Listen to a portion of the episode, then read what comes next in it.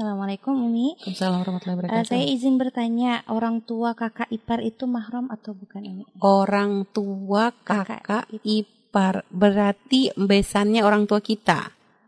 Ya mertuanya mertua eh, mertuanya kak saudara kita kan gitu. Mertua saudara kita nggak ada urusan sama kita. Kecuali setelah menjadi setelah kakak kita selesai akhirnya jadi mertua kita loh itu baru.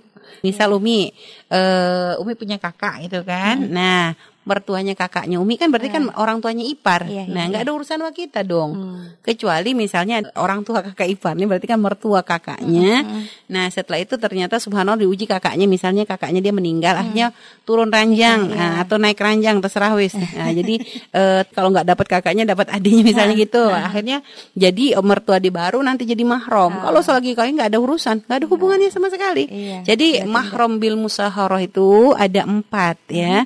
Mahram yang bisa menjadi mahram karena pernikahan. Ini adalah eh, suaminya atau istrinya anak. Hmm. Suami atau istrinya anak. Ya. Suami atau istrinya anak tuh apa sih? Menantu, sudah gampangnya. Udah gitu eh, ayah atau ibunya suami mertua gitu aja gampangnya. Soalnya gini, kalau Umi perempuan gitu ya, kalau Umi karena Umi perempuan, jadi nanti akan jadi mahram dengan Umi ini siapa? Suaminya anak Umi.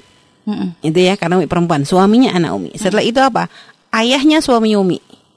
Ayahnya suami Umi itu mertua, Heeh, akung gitu ya. Jadi Iya. mertua. Habis itu siapa? Ada lagi suaminya ibu. Suami ibu itu siapa?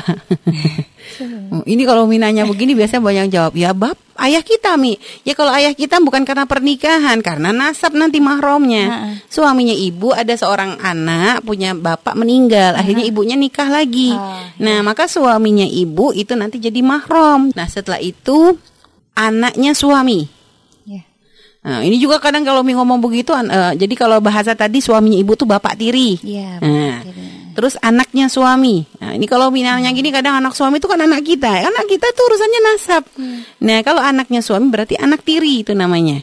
Nah, ini jadi kalau di bahasa fikihnya tuh pakai bahasa begitu. Cuma kalau bahasa Indonesia memang agak diringkas lagi. Jadi kalau bahasa gampangnya mertua, menantu, bapak tiri, anak tiri. Nah, itu itu adalah mahram karena pernikahan. Awalnya nggak ada hubungan sama kita. Cuma karena pernikahan akhirnya menjadi. Mahram.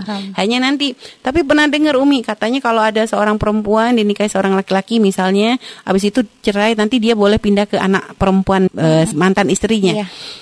Boleh jika istrinya belum digauli. Misal ada seorang laki-laki nikah dengan janda. Ah, janda terus janda tuh punya anak perempuan. Mm-mm. Nggak taunya habis nikah sama janda Eh subhanallah dia ngerasa eh anaknya lebih cakep misalnya gitu. Ini tapi ini contoh ya jangan dibikin main-main. Akhirnya belum sama ibunya belum belum kumpul sama ibunya dicerain nih. Ibunya dicerai dia langsung nikah sama anaknya. Ya cuma gendeng kalau anaknya nerima. Cuma ini contoh biar gampang aja. Ya jadi akhirnya dia nikah dengan anaknya maka boleh asalkan ibunya belum dikumpul. Tapi kalau ibunya sudah digauli maka dengan anak perempuannya ya haram. Sudah menjadi ya bapak tiri sudah benar-benar eh, maka walaupun sudah cerai dengan ibunya tetap tidak boleh lagi dengan anaknya, gitu. Baik, kasih Umi. Kalau jadi yang- kalau ngumpulin nggak bisa ya. Jadi kalau memang jadi harus cerai dulu dengan ibunya misalnya sebelum digauli lalu pindah ke anaknya, maka itu diperkenankan. Mm. Tapi kalau yang keempat ini eh, secara otomatis Oh, mahram iya. atau Kalau anak diri. dulu? Semuanya Mi. Mahram itu kan gini, haram dinikahi. Nah, kalau sudah digauli ibunya, maka haram untuk menikah dengan anaknya setelah itu. Walaupun nanti ibunya udah meninggal tetap haram. Tapi kalau masih belum, maka boleh gitu ya. Kasusnya sama kalau dia memang perempuan begitu hukum. Tapi kalau yang laki-laki kebalikannya enggak. Contohnya misalnya ada seorang bapak menikah dengan seorang perempuan. Belum digauli si perempuan tadi, bapaknya meninggal. Maka mantan istri bapak itu selamanya gak boleh dinikahi oleh anak Iya. si bapak tadi. Selamanya sudah. Meskipun belum digauli. Walaupun belum digauli. Jadi haram hukumnya. Jadi kenapa gitu? Itu nas Quran sudah, tidak bisa diprotes.